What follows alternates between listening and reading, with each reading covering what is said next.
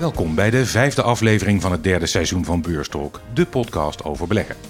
In Beurstalk bespreek ik, Rob Jansen, met mijn gasten de relevante ontwikkelingen op de financiële markten en we houden daarbij onze blik op de toekomst gericht. En aan het eind krijg je de vertrouwde beleggingstip. Wil je goed op de hoogte blijven van de podcast? Meld je dan aan voor de nieuwsbrief op beurstalk.com. Mijn gasten in deze vijfde aflevering van seizoen 3 zijn Edwin Wierda van Wierda Vermogensbeheer en Najib Nakat van Van Landschot Kempen. Welkom. Als altijd trappen we af met het sentiment op de beurzen. Uh, in de voorbereiding van de podcast dacht ik, uh, dat valt wel mee deze week. Maar gisteren en vandaag zijn de koersen toch uh, flink gedaald. Ik kijk even op mijn scherm en vergeleken met een week geleden staat de AEX 2,5% in het rood. Najib, wat is jouw verwachting voor de komende weken? Uh, nou, ik denk dat het vooralsnog heel onzeker zal blijven. Ja. Um, we hebben eerder deze week een uh, inflatiecijfer in, uh, in de VS uh, uitzien komen, wat echt een, een heel slecht cijfer was. Mm -hmm. de verwachting was dat de, de inflatiedruk in Amerika het afnemen was. en dat cijfer liet toch wel zien dat het tegendeel het geval was. Dus de, de verwachtingen voor de rente voor de komende periode zijn de afgelopen week ook behoorlijk omhoog gekomen. Um, je ziet ook dat de rentestanden eigenlijk op de niveau staan van, van juni. En de beurzen staan daar nog, uh, nog wel een stukje boven. Hmm. Um, en je ziet nu ook, dat valt mij op, de eerste echte winstwaarschuwingen doorkomen bij bedrijven. Ja. Um, we zagen van de week Kion, gisteravond zagen we FedEx. Uh, inflatieproblemen, uh, tegenvallende volumes bij FedEx. Um, dus ik denk dat die onzekerheid nog wel even aanblijft. Hoe sta jij erin, Edwin? Ja, het, het, valt niet te ontkennen dat er een enorme onzekerheid en onrust op de markten is. En het is al een tijdje gaande en uh, het leek even de goede kant op te gaan, maar het is, uh, het is toch alweer terug. Uh, ja, goed, alles komt natuurlijk samen. En kijk, waar op beurs natuurlijk altijd om gaat, is om vooruitzichten. Het gaat nooit om de actualiteit, het gaat eigenlijk om de vooruitzichten altijd. En ja, wat je nu gewoon ziet is dat, dat, dat, dat uh, veel beleggers op de markt ja, toch wel enorme uh, veel uh, toek zeg, toekomst inprijzen. Ja. Kijk, de inflatiecijfers die zijn gepubliceerd waren natuurlijk hartstikke slecht. Maar goed, de, het, feitelijk gaat het erom dat de markt nu al verdisconteert dat het ook niet veel beter meer wordt. En dat het nog wel de aankomende maanden misschien wel erger gaat worden. Ja. Op inflatiegebied, op recessiegebied, op, op alles wat speelt. Ja. Um, Persoonlijk denk ik dat er wel heel veel negativiteit inmiddels is ingeprijsd. Uh, maar het is zeker dat het uh, voorlopig nog wel onrustig gaat blijven. Dat is wel duidelijk. Uh, Najib, ik had vorige week twee tamelijk sombere experts in mijn podcast. zijn er ook nog lichtpuntjes voor jou aan te wijzen? Waarvan je denkt van, dat, is, dat zijn aan de andere kant ook wel positieve tekenen. Um, nou, dat is denk ik een beetje waar Edwin op doelt. Het is toch dat er in, in de markt uh, best wel wat verdisconteerd is. Mm. Um, maar natuurlijk niet alles. Hè. FedEx gaat volgens mij uh, 18% in de min vandaag. Ja. dat was na beurs gisteren. Dus op individueel bedrijfsniveau komen er toch best wel shockers naar buiten. Ja. Maar als je naar algemene waarderingsniveaus kijkt, zeker in de wat meer value hoek van, van de beurs, is dat ronduit goedkoop te noemen. Ja. Er zitten daar nauwelijks groeiverwachtingen in. Ja. Um, als je bijvoorbeeld kijkt naar de, de bankensector in Europa, ja, die heeft natuurlijk de afgelopen tien jaar het vreselijk voor de kiezer gehad. Nou ja, deze rentebeweging is toch wel ontzettend fijn voor, uh, voor, voor de sector. En de, de, de markt wil daar eigenlijk niet echt aan. Ja. Ja. Koers-winstverhoudingen, als, je, als, als de renteverwachtingen uitkomen, dan zit je tegen koerswinstverhoudingen van vijf of zes te kijken voor, uh, voor de sector. Je bedoelt met de markt wil er niet aan, uh, men wil nog niet in bankaandelen stappen, bedoel je dat? Nee, je ziet niet de waarderingen van banken oplopen hmm. in, in lijn met, met, met de hogere renteverwachtingen. Omdat men toch wat zeg maar, nog wat angstiger is voor de eventuele recessie en de daarbij gepaardgaande uh, voorzieningen die de banken moeten treffen, hm. dan met de, de, jarenlange extra opbrengsten die die hogere rentestanden met zich mee gaan brengen voor de banken.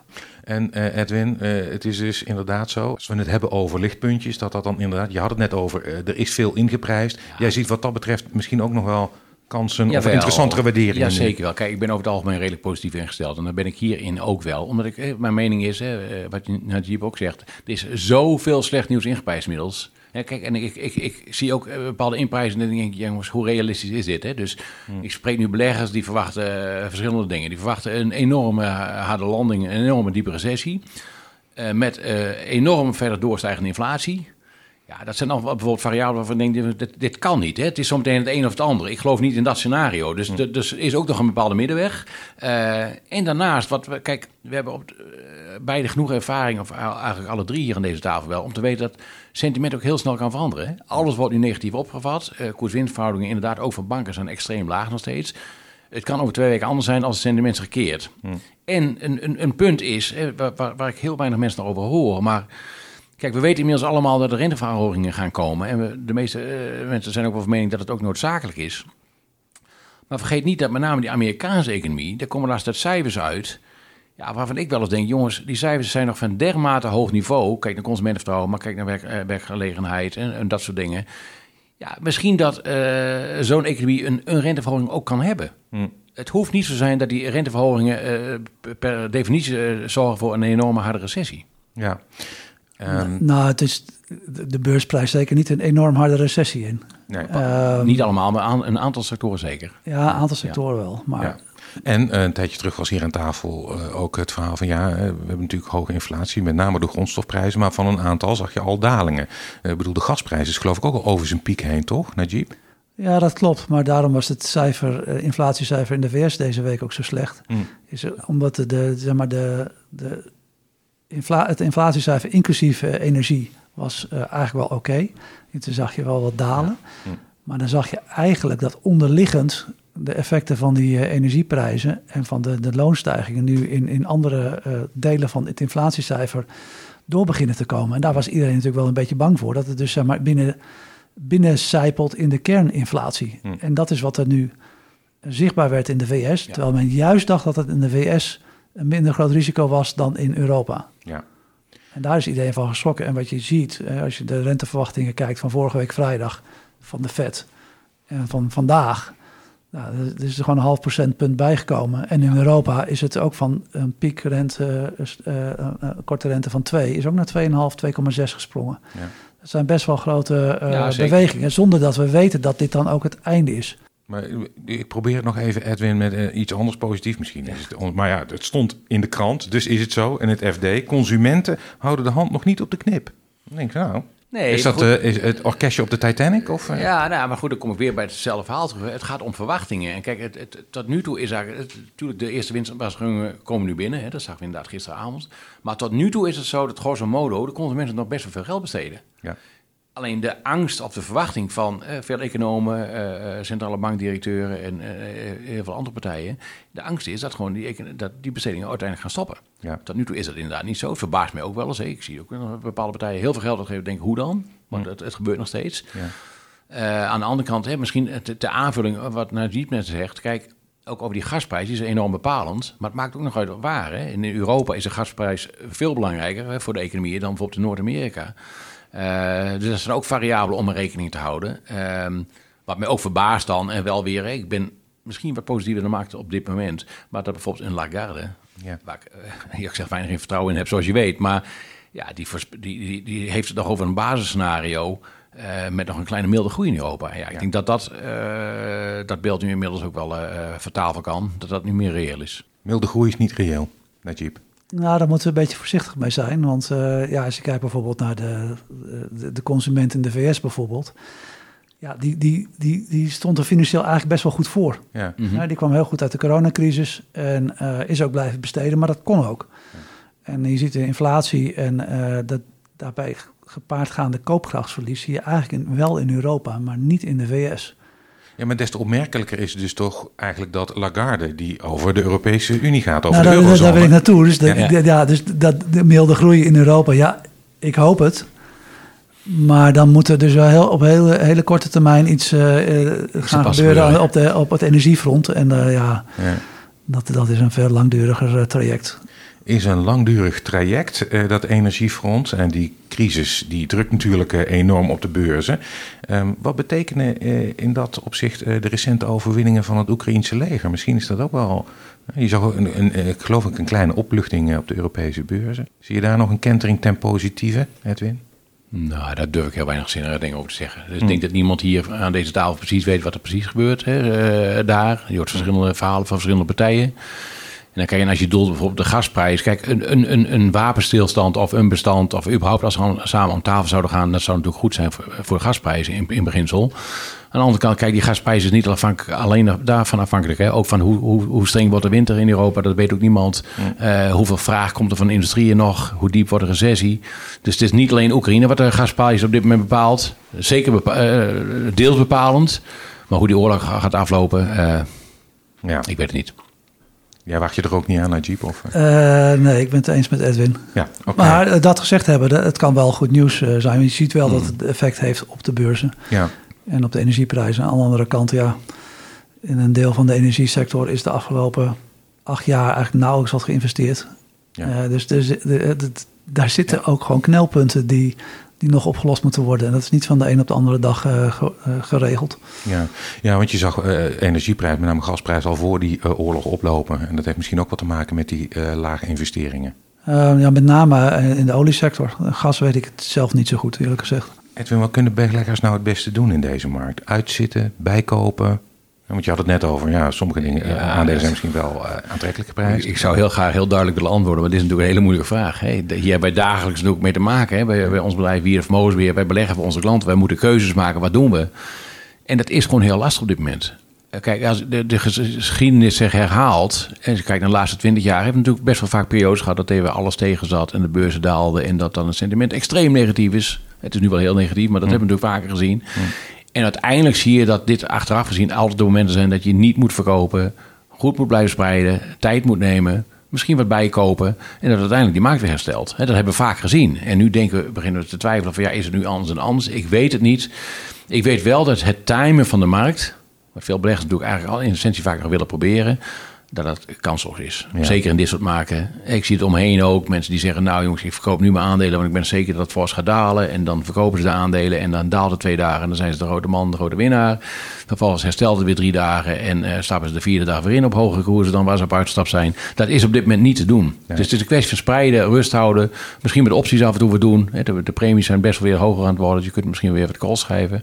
Uh, ja, en misschien wat tijd kopen. Hoe sta jij erin, uh, Najib? Uh, uitzitten in deze markt of bijkopen? Ja, ik ben het eigenlijk helemaal eens met Edwin. in principe is time kansloos. Hm.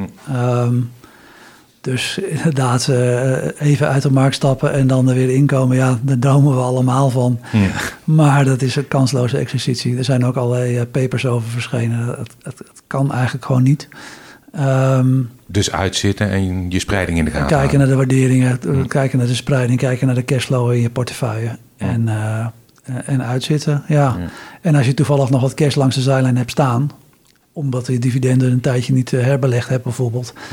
Ja, daar kun je natuurlijk uh, voor, voor, je gevoel een beetje mee gaan timen. Maar ja, dat is meestal maar een paar procent van je portefeuille. Ja. Maar echt die grote laat ik zo zeggen, in institutioneel vermogensbeheer heeft het mensen hun carrière gekost als ze dat gedaan hebben. Want het gaat nooit goed. Het gaat gewoon nooit goed. Ja, het kan één keer goed gaan. Je kunt er uh, op juist manier timen op het moment dat je gaat verkopen. Dat je tussen haakjes gelijk krijgt als de koersen voor de dalen. Maar je moet er ook weer een keer in. Dus je moet twee keer goed zitten. Hè? Ja.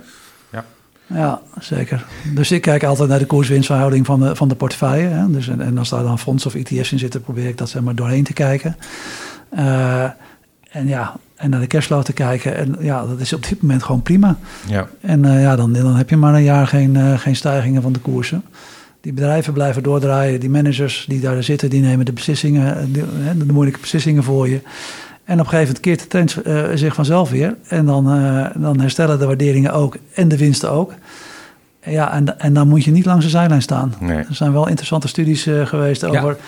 De, als je een van de tien mooiste dagen van de beurs gemist had... hoeveel dat op lange termijn uitmaakt. Ja. En vice versa overigens. Maar het is dus daarom niet te doen. Iets heel anders. Uh, Financial Times uh, kwam vandaag met een pushmelding dat het Britse pond naar de laagste stand ten opzichte van de dollar is gezakt in 37 jaar. Pond daalt overigens ook stevig ten opzichte van de euro. Is dat nog interessant voor, bijvoorbeeld voor Nederlandse beleggers omdat misschien Britse aandelen goedkoop worden, Edwin? Nou, je moet bij dit soort dingen natuurlijk altijd een beetje uitkijken. Hè? Want op het moment dat het Engelse pond of het Britse pond stijgt, uh, ten opzichte van de dollar of ten opzichte van de euro, uh, dan is het natuurlijk altijd de vraag waar komt het vandaan? Dit is kip of ei. Hè? Als de ene omhoog gaat, is, is, in een ander geval is de euro nu zo zwak of is de dollar zo, zo hoog? Hè? Dat is natuurlijk altijd uh, delicaat om daar over op te oordelen. Um,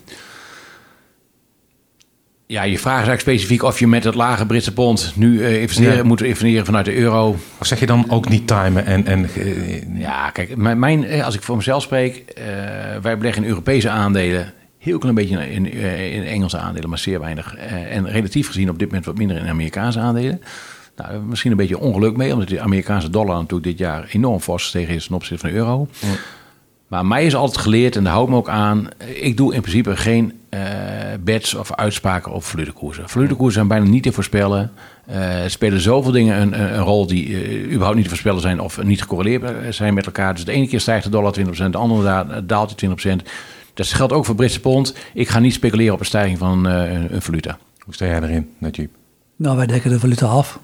Um, sowieso. Ja. Uh, en zo, ja, kijk, als je kijkt naar de grotere Britse bedrijven, ja, dan is het pond wel wat uh, zwakker geworden. Maar het zijn internationale bedrijven. Dus ja, de, over het algemeen zie je dat de koers daar uh, wel positief op reageert, omdat de winst in ponden omhoog gaat. Ja.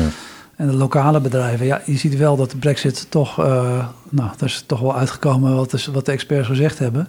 Dat is niet goed geweest voor, voor de, de, de, de, economie, van, de Britse economie. Um, maar die paar procent op het pond gaat echt niet het verschil maken uh, in je rendement. Ja. Je, moet, je, moet gewoon kijken naar het bedrijf, een goed bedrijf vinden. En, of dat, uh, en dan maakt het eigenlijk niet eens uit waar het zit. Of het nou in Engeland zit of in Europa.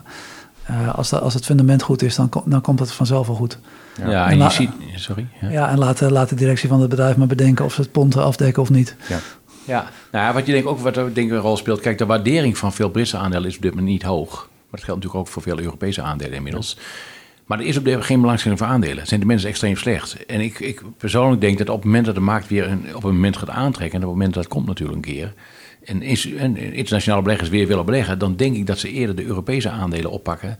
dan de, de Britse aandelen, zo maar even te noemen. Dus ik denk dat je daar ook toch mee zit. Ja, ja. Dat de, de, aandacht voor uh, ja, Britse aandelen gewoon ook wereldwijd afgenomen is. Als je het hebt over sentiment en koersen, speelt de rente natuurlijk een, belangrijke rol. En de Fed neemt volgende week een rentebesluit om die inflatie waar we het eerder over hadden uh, in te dammen. Die zal ongetwijfeld verder omhoog gaan, uh, Najib. Met welk percentage denk je? Waar ga je vanuit?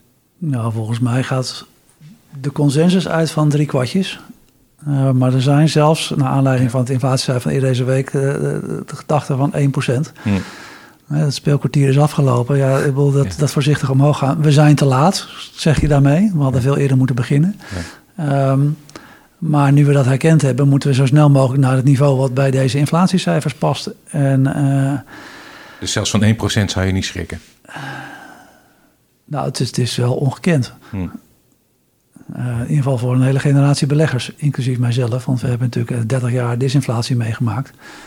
En uh, ja, dan hoor je nog wel eens van uh, de, de, oude ervaren rotte over de rentehobbel van 1996, toen de 3 procentpunt bij kwam. Maar dan gaan we dus dik uh, doorheen dit jaar ja. en, en begin volgend jaar. Ja. En zelfs in Europa staan we waarschijnlijk voor de zomer volgend jaar rond de 2,5 procent, als de verwachtingen nu uitkomen. Hm. Maar goed, grote kans, drie kwartjes. Drie kwartjes of 1 procentpunt, ja. Ja, daar sta jij ook, Edwin. Ja, nou kijk, wat volgens mij een belangrijk punt is, is dat als je de laatste toespraak, de laatste bekende toespraak van Powell hebt gezien, hè, die op Jackson Hole, daar was hij heel duidelijk. Hè. Wat hij eigenlijk heeft gezegd is van, nou jongens beleggers, ik zie dat jullie al uh, wat positiever worden. Ik, ik, zie dat jullie denken dat het al een beetje meevalt. Ik zie dat de aandelenkoers weer oplopen, maar ik ga nu een punt stellen. Ik ga nu zeggen, genoeg is genoeg. Ik ga nu zeggen dat we inflatiebestrijding uh, als, als hoofdtaak hebben dat we ook bereid zijn om daar uh, een recessie voor op te offeren. Uh, bij, te nemen. Uh, bij te nemen, laat ik zo, is het beter geformuleerd. En hij heeft ook gezegd, ehm, uh, en misschien niet letterlijk, maar dat is wel de strekking zoals ik het begreep. Uh, ik, ga, uh, ik, ik, neem liever het risico dat ik te lang doorga met de renteverhoging dan dat ik er vroeg stop. Hmm. Dus duidelijker kan het voor mij niet. Nee. En hij is nu in een positie en er maakt rekening op dat hij nu kan doorpakken. En hij moet ook doorpakken. Ook voor zijn eigen betrouwbaarheid hè, en, van de centrale bank daar. Hmm. dus ik, ja, ik neig naar 1%. Jij neigt naar 1%. En misschien moet dat ook. Hè. Misschien moet je ook nu ook doorpakken. Het sentiment is er nu na. Uh, ja, we gaan het zien. Hij heeft ook niet helemaal aangegeven op welke cijfers hij zich precies baseert. En er zijn natuurlijk verschillende economische cijfers die steeds uitkomen. En die zijn allemaal wel in het voordeel, uh, of die wijzen allemaal wel op renteverhoging. Maar hij geeft niet precies aan welke het meest bepalend is. Ja. Ja, ik denk dat ze ook wel heel erg kijken naar allerlei afgeleide inflatiecijfers. Ja. Waarbij je kijkt naar gemiddeldes en de extreme eruit haalt en energie eruit haalt. Maar hoe je het ook wendt of keert, ziet het er gewoon niet goed uit. Nee. Hm. Dus het, het zou zomaar 1% kunnen zijn. Um, hoewel geloof ik, de, nou ja, het is om het even denk ik op dit moment in de markten wat het, wat het wordt. En ik denk niet dat de markten per se, ja, misschien dat ze schrikken van 1% en denken dat de vet in paniek is. Hm. Dat zou het enige reden zijn om het niet te doen misschien. Ja. Want dat kwartje gaat niet zoveel uitmaken op korte termijn. En dan doe je dat over zes weken of acht weken, doe je er weer drie kwartjes bij. Dan gaat, dan gaat het hard genoeg hoor. Ja, zeker. Nou, het gaat natuurlijk om het signaal. Hè? Het gaat niet eens zozeer om, wat je, klopt wat je zegt, of drie kwartjes is of vier kwartjes. Het gaat om het signaal. Hoe, hoe, hoe zeker, wat stralen ze uit? Wat heel bepalend is voor de Fed en ook voor de ECB zijn natuurlijk de inflatieverwachtingen. We weten allemaal wat nu de inflatie is, maar wat zit er in de hoofden van mensen? Welke tweede ronde effecten komen er? Uh, hoe ver zijpt het door bij de lonen en allemaal dat soort dingen? Dus uh, nou, we gaan het zien. Ik ben benieuwd. Europese burgers eh, die hebben ook last van inflatie. En de Europese Commissie die wil ze daarbij helpen. Die hebben een plan gelanceerd om burgers te helpen in de energiecrisis. Heel nobel, wellicht noodzakelijk. Maar een prijsplafond voor energie, het afromen van winsten bij energiebedrijven, landen die burgers compenseren voor de energienota. Is dat verstandig, Najib, zo'n ingrijpen? Absoluut niet. Nee? Nee. Kijk, dat je de burgers wil ondersteunen die moeite hebben met hun energierekeningen, dat is, dat is nog tot daar aan toe. Maar dat je dat vervolgens financiert uit, uh, door, door bij de energiebedrijven, zeker bij een, een bepaald groep energiebedrijven die de afgelopen jaren toch best moeilijk hebben gehad, toen de, toen de prijzen nog laag waren. Hmm. Uh, dan doe je twee dingen mee. A, je houdt de vraag in stand. En twee, je knijpt het aanbod mogelijk af, omdat de, zeg maar, de prikkel om te investeren uh, minder is geworden. Hmm. Dus ja, mensen helpen aan de onderkant die moeite hebben om te, uh, de, de, de, energierekening te betalen, doe dat. En doe dat gewoon vanuit de overheidsfinanciën en laten we eh, de schuld wat oplopen. Of, het is de afgelopen jaren toch best wel hard teruggelopen, ook bijvoorbeeld in Nederland. Maar ga dat niet doen met een zogenaamde windfall tax. Ben je er ook geen voorstander van, Edwin? Ik zit er iets genuanceerder in. Want? Nou ja, alle argumenten die, die net gezegd werden kloppen. Dat is waar. Uh, maar goed, aan de andere kant, we zitten natuurlijk in een exceptionele situatie. Hè? We zien nu wat er in de economie gebeurt, zeker bij de, bij de lage inkomens, middeninkomens. Dit zijn eh, situaties die heel extreem zijn, die enorme gevolgen hebben en gaan hebben voor de economie. Uh, er zit ook een soort morele factor in. Als je nu uh, vanuit de overheid uh, een enorme lastenverzwaring komt eraan voor iedereen, iedereen zal er moeten bijdragen, het, kost de burgers enorm veel geld, dan moet je ook een signaal afgeven naar bedrijven die exceptioneel veel geld verdiend hebben, op een manier waar ze eigenlijk zelf ja, tussen haakjes weinig voor gedaan hebben, wat er eigenlijk is aankomen waaien. Tuurlijk, de argumenten van Najib kloppen ook, maar goed, dat zijn natuurlijk wat meer argumenten voor de wat langere termijn. En die, die kloppen volledig. Ja, aan, aan de andere kant, op een korte termijn moet je wel iets doen. Hmm. Dus ik, ik vind het moreel acceptabel dat je tegen energiebedrijven die uh, heel veel geld verdienen nu, hmm. uh, ja, omdat stroom en omdat gas in zo duur geworden is, uh, dat je daar wat van terugvraagt. Hmm. En maar moeilijke. Ja, moeilijke. Oké.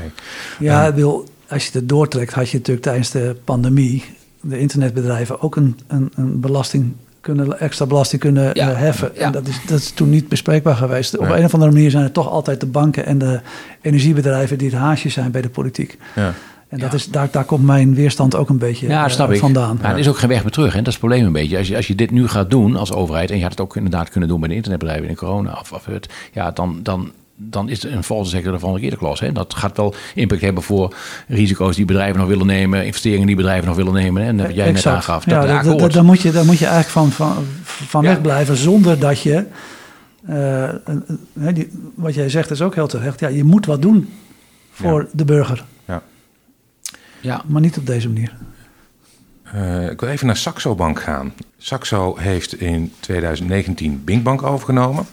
En heeft nu plannen om via een SPAC, zo'n lege beurshuls, naar de beurs te gaan. Zou jij in Saxo Bank stappen als belegger, Edwin?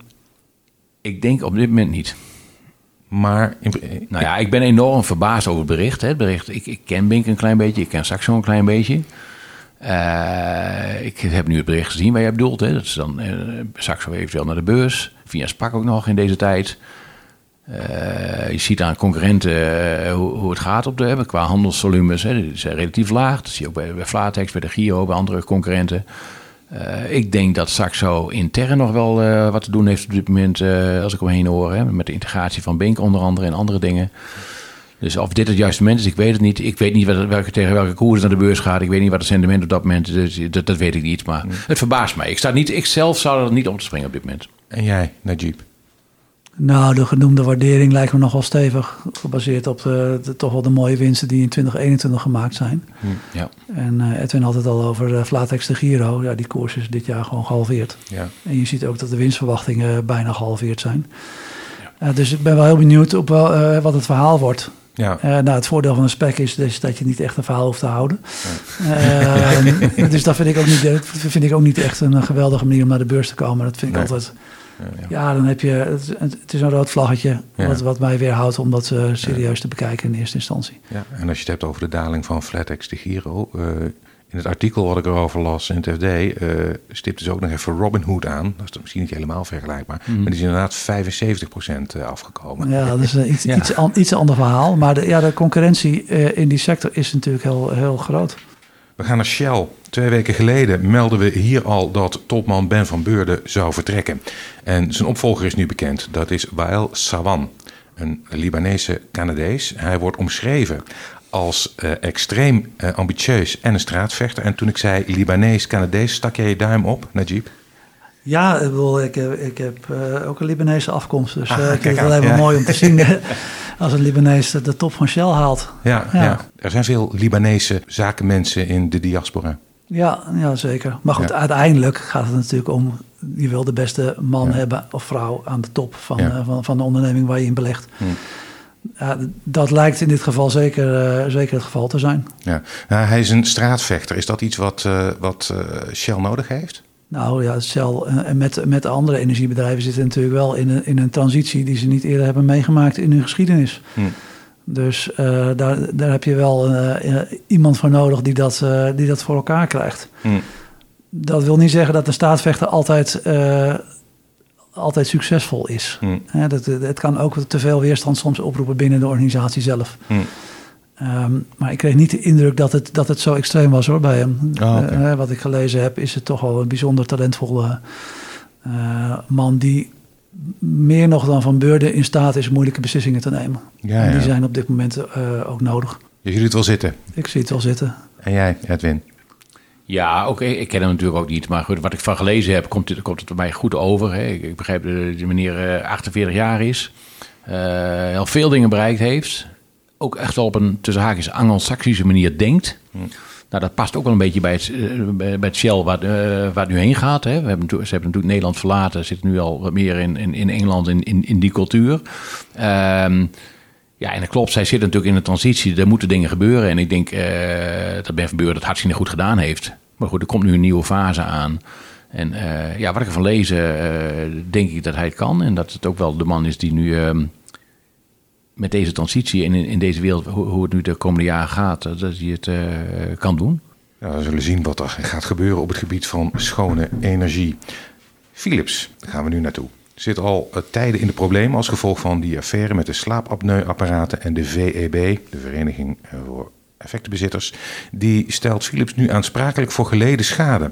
Het bedrijf heeft beleggers niet tijdig geïnformeerd. Nou, kan er ook nog wel bij. Najib, uh, verstandig, uh, kansrijk, wat denk je? Nou, ik weet niet of het kansrijk is, maar over het algemeen komt hier wel een schikking uit. Ik blijf het altijd een gek fenomeen vinden dat aandeelhouders hun eigen bedrijf gaan, uh, gaan aanklagen. Ja, ik denk dat het met name gaat om de signaalfunctie. Dat, dat als het inderdaad gebeurd is, dat bestuurders verantwoordelijk worden gehouden.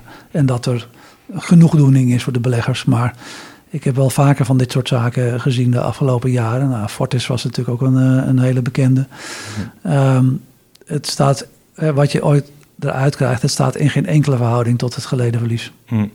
Ja. Uh, het is meer, uh, ja, wat, wat ik zeg, het signaal. Zie jij dat, Edwin? Ja, zo zie ik het ook een beetje. Kijk, de, de, kijk koerstechnisch is Philips natuurlijk op dit moment erg goedkoop. Maar goed, zeker in deze tijd wil ik niet beleggen nu in bedrijven in dit soort problemen. Want je weet niet wat er achteraan komt. Het is nog lang niet klaar. Uh, het is de vorige CEO ook niet, CEO ook, ook niet gelukt om het bedrijf in controle te krijgen. Hè, ondanks deze kwestie. En uh, Ja, het verbaast mij net, net wat Najib zei, ook wel eens, hè, zeker als ik de acties van de VEB kijk, die eigenlijk de beleggers vertegenwoordigen, de beleggers die over het algemeen in, files beleggen. En dan kun je heel hard opstellen en heel, uh, heel, het spel heel hard spelen als ze dat gaan doen. Maar uiteindelijk benaderen je eigen leden, je eigen aandeelhouders. Ja. er zal wel een schikking komen. Ehm, en dan is te hopen voor de aandeelhouders en voor, voor iedereen eigenlijk dat, dat er rust in het bedrijf komt. Dat ze weer kunnen gaan bouwen. Maar je ziet bij dit soort kwesties, we hebben het eerder bij andere bedrijven ook gezien, als één keer uh, de problemen beginnen, er komen altijd, de problemen worden vaak groter op dit gebied, komen altijd weer nieuwe dingen achterweg. Amerikaanse beleggers gaan ze mee bemoeien. Uh, niet fijn, lijkt me niet fijn om daar nu uh, in management te zitten. Nee. Um, geldt misschien ook voor Google, uh, Najib. Die krijgen niet van beleggers uh, een claim aan hun broek, maar van de Europese uitgevers. En dat is een claim van 25 miljard. Wegens concurrentievervalsing bij online advertenties. Dat lijkt me zelfs voor Google een hele zware tik als dat gaat lukken. Ja, nou moet ik zeggen, als je een rechtszaak begint, dan begin je natuurlijk altijd met het hoogste bedrag wat je kan bedenken. En ik zag ook dat, de, dat de rechtszaak gefinancierd wordt door een zogenaamde litigation funder. dus er is ook een externe partij ingestapt die de financiering voor, uh, verzorgt.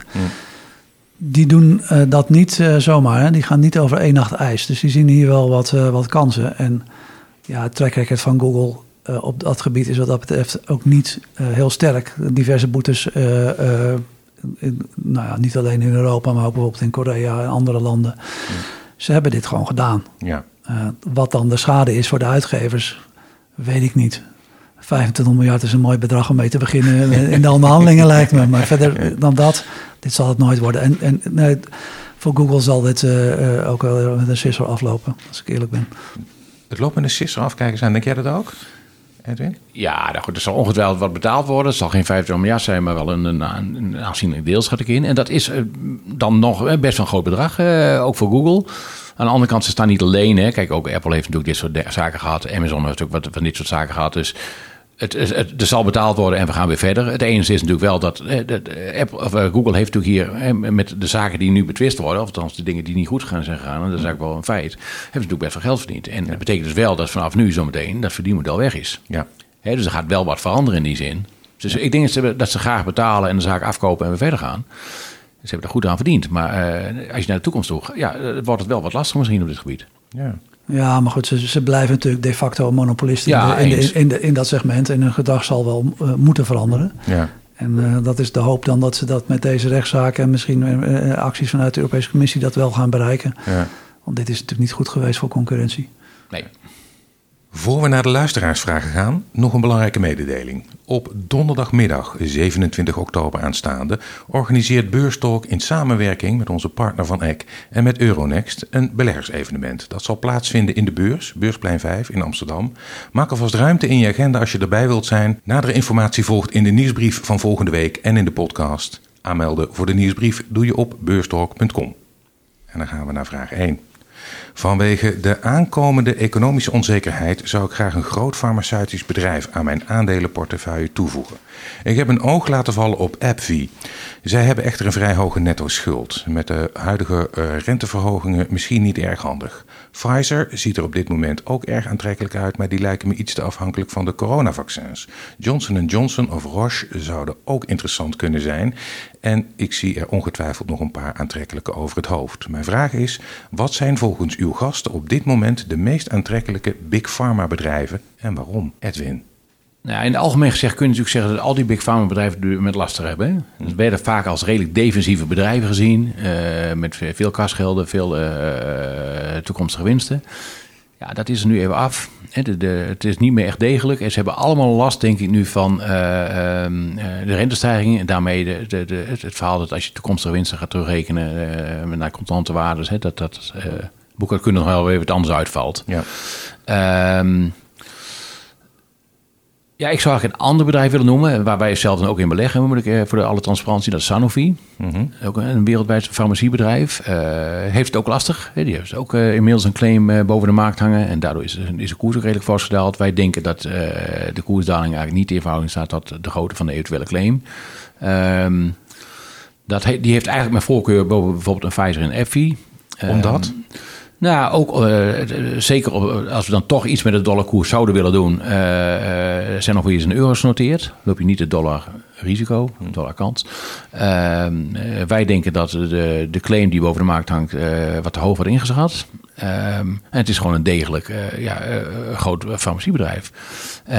en misschien wat minder afhankelijk inderdaad dan, hè, wat lezer al, schrijver al zei, van bijvoorbeeld coronamiddelen waar Pfizer best wel aan verdiend heeft.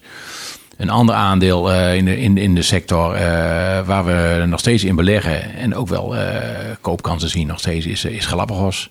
Heeft ook last van een enorme daling, gaat ook super slecht. Ja. Daar zit wel een verhaal achter en die zou ik eigenlijk wat, wat verder willen noemen op het einde hmm. bij specifieke aandelen. Oké. Okay.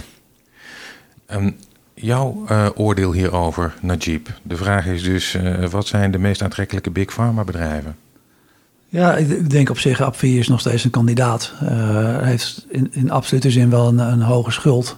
Maar als je kijkt naar de kredietwaardigheid van de onderneming, um, is dat niet heel anders dan Ahold Delhaize of Axo. Mm. Uh, dus de, de, de, die loopt daar geen risico's. Mm. Um, maar het is inderdaad zo dat de rentestijgingen in de toekomst, het gemiddelde, uh, gemiddelde rentebetaling voor het bedrijf dat zul je langzaam zien oplopen.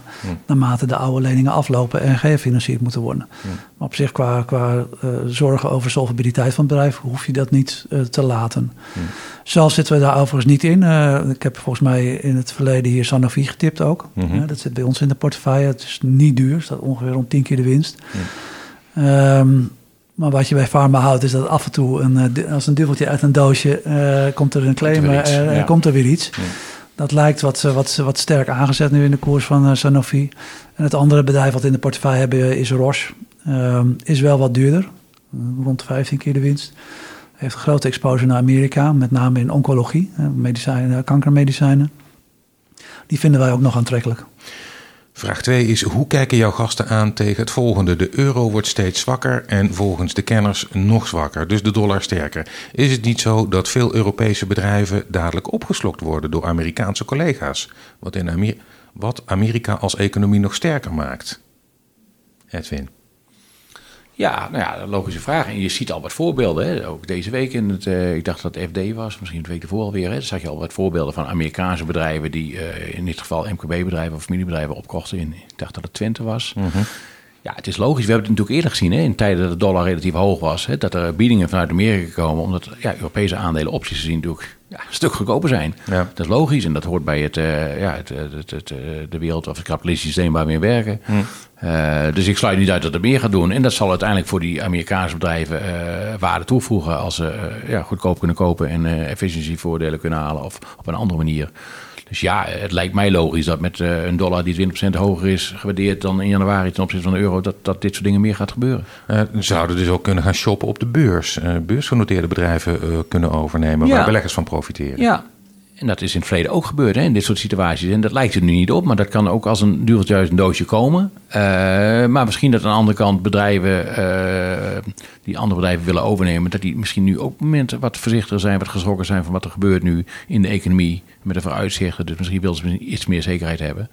Maar dat het uiteindelijk gebeurt, uh, lijkt me evident. Zo zie jij dat ook, Najib? Ja, de, zo, zo gaat dat. Toen de Japanse yen heel sterk was, waren Japanse bedrijven aan het uh, shoppen in de VS bijvoorbeeld, uh, kan ik me nog herinneren. Um, dus je zal dat wel zien uh, gebeuren. Um, maar om nou te zeggen dat er dat er zomaar van uit kan gaan dat de, de, dollar sterker zal blijven worden ten opzichte van de euro. Het, het is al, het is niet zo duur geweest in de afgelopen twintig jaar. Hè? Hm. Um, en er is weinig voor nodig om het sentiment te laten draaien. Dat hebben we even gezien. Uh, al, al, eerder toen het even wat beter ging in de Oekraïne bijvoorbeeld. Of dat de Amerikaanse inflatiecijfers meevielen. Waardoor mensen wat minder agressieve uh, monetaire verkrapping uh, voorzagen voor de Fed. Zag je de, de, euro ook meteen weer de andere kant op gaan. Dus dat blijft lastig. Uh, maar op dit moment ja, zie je het wel gebeuren inderdaad. De derde vraag is: Ik heb nog plaats in mijn portefeuille voor een groeiaandeel met hoog risico. Ebusco en CM.com voldoen aan dit criterium. En mijn voorkeur gaat uit naar CM.com omdat ik denk dat de basis van dit bedrijf steviger is. Bij Ebusco zijn nog veel investeringen nodig, materialen worden duurder, prognoses moeten nog omgezet worden in resultaten. Zie ik het goed, is de vraag. Ja, zie ik het goed. Uh, wij beleggen in beide bedrijven niet. ik ken ze natuurlijk wel, maar inhoudelijk uh, misschien wat minder sterk dan een aantal andere bedrijven waar we op dit moment in beleggen. Hm. Kijk, ze hebben wel een aantal gemeenschappelijke kenmerken.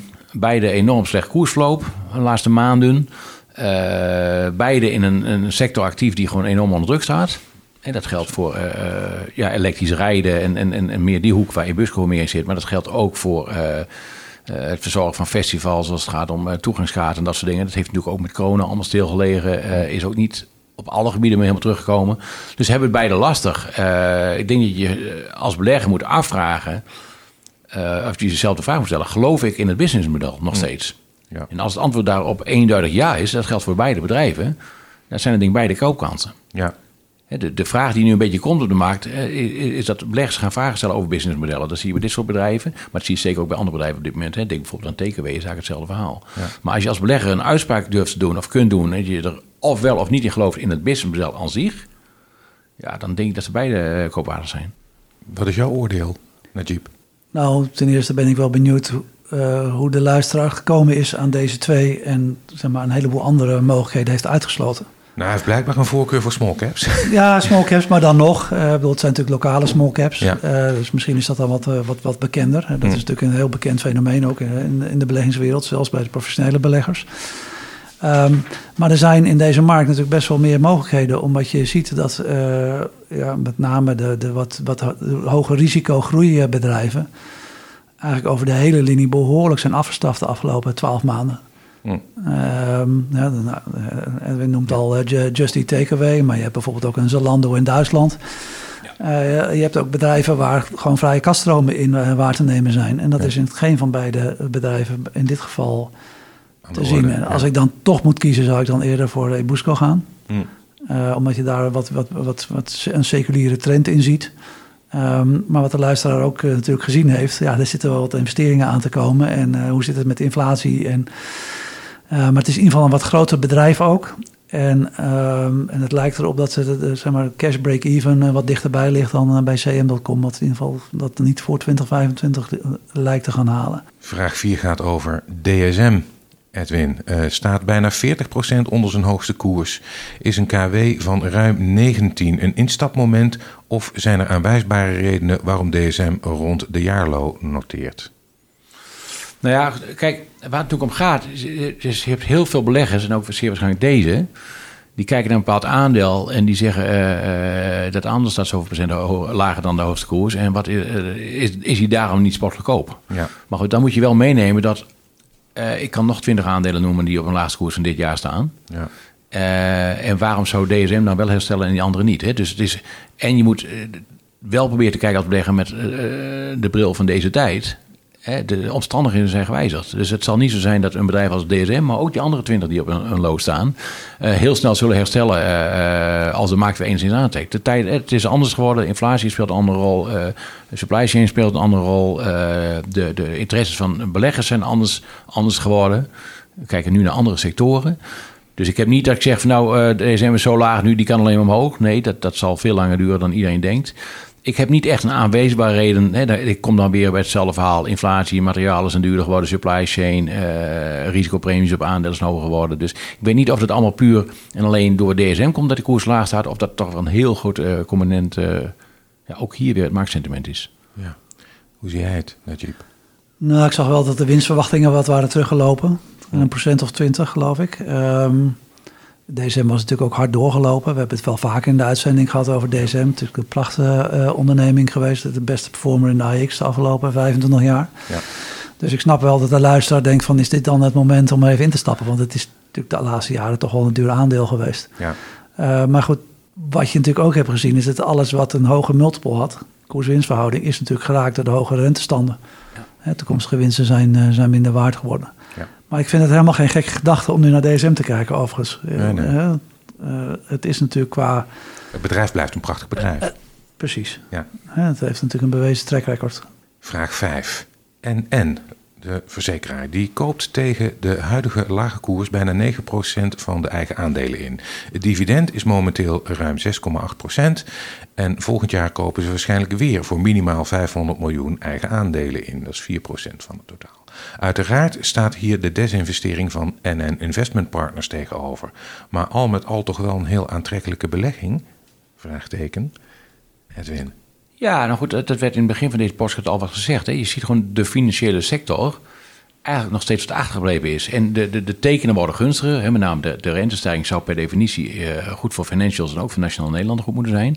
Maar dat komt wat later op gang. Ik denk wel dat dit uiteindelijk een kanshebber is, maar dat geldt ook voor, uh, wat mij betreft, in, in Nederland gezien een, een ING of een ABN. Dus ik kijk meer als, naar de sector als geheel. Wat ik er een beetje van weet is dat hè, de solvabiliteit van Nationale Nederlanden altijd extreem hoog was. Dat werd ook altijd zeer gewaardeerd. Er ging ook aandelen inkopen en dat soort dingen. Met de publicatie van de tweede kwartaalcijfers bleek dat de solvabiliteit, die je ook weer op verschillende manieren kunt berekenen, maar misschien wat lager was. Nog wel hoog, maar misschien iets lager dan in eerste instantie verwacht werd. En toen is dat aandeel in een algemeen slecht beurssentiment over het algemeen ja, ook niet meer erbovenop gekomen. Uh, ik denk dat het gewoon een degelijk bedrijf is met een relatief niet hoge waardering. En ik denk dat ze het tij uh, misschien nu, door misschien uh, nou, langzamerhand misschien wat, wat makkelijke regelgeving die er misschien aankomt, door wat hogere rentestanden. Uh, ja, lijkt het mij een, een, een, mooi aandeel. Waar ik op dit moment niet in beleg, maar... Dus jij bevestigt de luisteraar in zijn oordeel. Jij ook, Najib? Uh, jazeker, heb ik staan hier. ja. nou, wij zitten er zelf in al sinds de, okay. sinds de IPO. Ja, ja. Uh, en we hebben zeg maar, de, de, de koersfluctuaties gebruikt om iets te ophogen en, uh, en, en af te bouwen door de jaren heen. Maar dat is exact uh, onze casus zoals die hier door jou voorgelezen wordt. Ja, ja. Dus de luisteraar die ja, bevindt zich op het niveau van de experts. Kijk eens aan. Um, het is tijd voor de tip. We zijn aan het einde van de podcast gekomen. Dus je mag meteen door naar je tip, Najib. Wat is je tip voor de luisteraar? mijn tip is een bekend bedrijf, Vodafone. is de laatste twee maanden behoorlijk teruggevallen. Hm. Wij zitten er ook niet zo lang in, hè? want als je naar Vodafone kijkt over de afgelopen tien jaar is er gewoon uh, geen cent verdiend eigenlijk. Dus te veel betaald voor, uh, voor de, de, nieuwe technologieën, uh, om de nieuwe technologie op te zetten, de investering in, in het netwerk, het, het, verkrijgen van, van, van, die, van het spectrum en zo. Um, nou is er wel een, een, duidelijk andere wind gaan waaien bij het bestuur, maar dat is niet alleen bij hen, maar sowieso in de, in de telecomsector in Europa, van dat het nu wel rendement op, het, uh, op, de, op de investeringen gemaakt moet gaan worden. En dus er wordt wel heel kritisch gekeken naar uh, markten waarin men uh, ja, niet of nauwelijks wat verdient. In het geval van Vodafone heb je het dan over bijvoorbeeld Vodafone in Spanje, waar te veel aanbieders zijn. En je ziet dus dat er nu wel heel duidelijk gezocht wordt naar consolidatie in de markt. En dus eindelijk rendement gaan maken op je investeringen. Ja. dus daarom op dit moment is de tip voor mij Vodafone.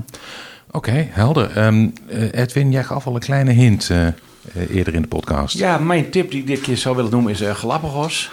Een bekend bedrijf bij veel beleggers, bij veel luisteraars denk ik, die natuurlijk enorm, waar enorm veel gebeurd is de laatste jaren. Daar kom ik nu even niet op terug. Maar als je kijkt naar de huidige situatie is het een relatief simpel verhaal, denk ik. een enorme zak met geld die er op de bank staat een lege uh, medicijnenpijplijn. Er zijn weinig medicijnen die nog ontwikkeld worden, waar die uiteindelijk nog op de markt komen op dit moment. En een paar medicijn, uh, een reumamedicijn eigenlijk op de markt, uh, wat wel loopt. Maar goed, wat niet uiteindelijk de hele goede kaskraker is geworden. Misschien die, de, die werd verwacht. Ja. Dus een beetje een lastig verhaal. Maar goed, nieuwe kansen. de oude topman is weg. Er is een nieuwe topman aangetreden, meneer Stoffels. Ik heb hem zelf ook gesproken. Man met een enorme staat van dienst, enorm aanzien, een enorm netwerk en heel veel ervaring in deze wereld. Ja. Uh, die het bedrijf nu gaan leiden. En ja, de situatie is eigenlijk gewoon dat. Uh, kijk, ze hebben een aantal miljard uh, kas op, op de rekening. En ze verliezen per jaar met een cashburn van ongeveer 500 miljoen per jaar. En dat hebben ze een paar keer nu ook aangegeven. Dus je kunt uitrekenen wat de, de, de waarde van dat kasgeld nog is over twee jaar. Ja. En dan kom je erop dat midden volgend jaar er ongeveer nog 60 euro kasgeld is. Als zo doorgaan als het nu is. Ja. De koers nu op 48. Nou, meneer Stoffels heeft ook aangegeven dat hij wat gaat doen met het kasgeld. En dat hij samenwerkingen zoekt, uh, misschien eens een keer fusie aangaat of kleine samenwerkingsverbanden. Maar dat ze met dat geld gaan proberen te ondernemen. Dat is ja. uiteindelijk voor bedoeld. Ja, en dan denk ik, kijk, in deze tijd, uh, ah, wat is het neer, wat is het risico nog? Uh, bedrijfstechnisch, nou, ze hebben uh, weinig medicijnen wat mis kan gaan op dit moment. Ze hebben weinig medicijnen, eerlijk gezegd. Koers staat op 48 euro. Midden volgend jaar is dat, is er 60 euro cashgeld dan is mijn eens de verklaring dat de koers eh, nog niet eh, stijgt, is dan dat ook voor dit bedrijf geldt dat ja, contante waarde van geld wat eh, naar beneden. Hè, op het moment dat er 10% inflatie is, ja, dan gaat het kasgeld natuurlijk in, in waardering ook naar beneden. Ehm, maar ik heb vertrouwen in de nieuwe topman. dat hij dingen gaat doen, dat hij slim met zijn geld omgaat. En ik weet dat er heel veel partijen zijn, met name in Noord-Amerika, die medicijnen aan het ontwikkelen zijn, die misschien al in fase 3 zitten maar waar het geld gewoon op is. En in deze markt kunnen die bedrijven geen geld meer halen. En ik denk dat Galapagos de redding gaat worden voor dat soort bedrijven. En dat Galapagos daarvan gaat profiteren. Hartelijk dank, Edwin Wierda van Wierda Vermogensbeheer en Najib Nakat van Van Landschot Kempen. Dit was de vijfde aflevering van het derde seizoen van Beurstalk. Als je wilt reageren of een beleggersvraag hebt van mijn gasten, mail dan naar rob.beurstalk.com. Voor de nieuwsbrief kun je je ook aanmelden op de site beurstalk.com. Dank voor het luisteren. Deze podcast verwoorden inzichten van mijn gasten, niet die van presentator Rob Jansen. Het is geen beleggingsadvies. Verdiep u in de risico's van beleggen voordat u eraan begint. De waarde van uw belegging kan fluctueren. In het verleden behaalde resultaten bieden geen garantie voor de toekomst.